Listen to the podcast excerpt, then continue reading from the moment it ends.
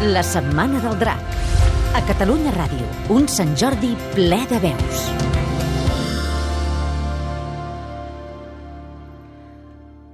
El vigilant està enamorat de la Venus de la trena. Al principi, atemorit per les imprevisibles conseqüències d'una relació tan atípica, va refrenar els seus sentiments, però s'ha acabat rendint a l'evidència. D'ençà que la van traslladar a la seva sala, els dies tenen un aspecte menys amenaçador i es deixen transitar amb una placidesa desconeguda.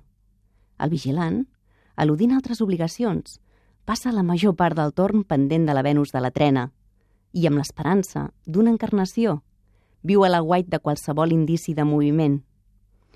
Sap d'altres casos, però la Venus de la trena, amb la mirada perduda als quadres del davant, no sembla donar-se de la seva pacient espera, incondicional com una òrbita.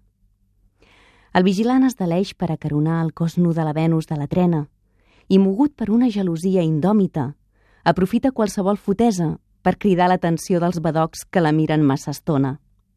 La poca gent amb qui ho ha parlat no s'ha pres seriosament la seva decisió. El vigilant deixa la roba plegada damunt d'una cadira, s'enfila al quadre amb l'ajut d'una escala i s'estira, amb una punta de llençol tapant-li els genitals al costat de la Venus de la trena. Un efluvi ranci l'acull com una boira embriagadora i el fa sentir feliç com mai. La Setmana del Drac. Un Sant Jordi ple de veus.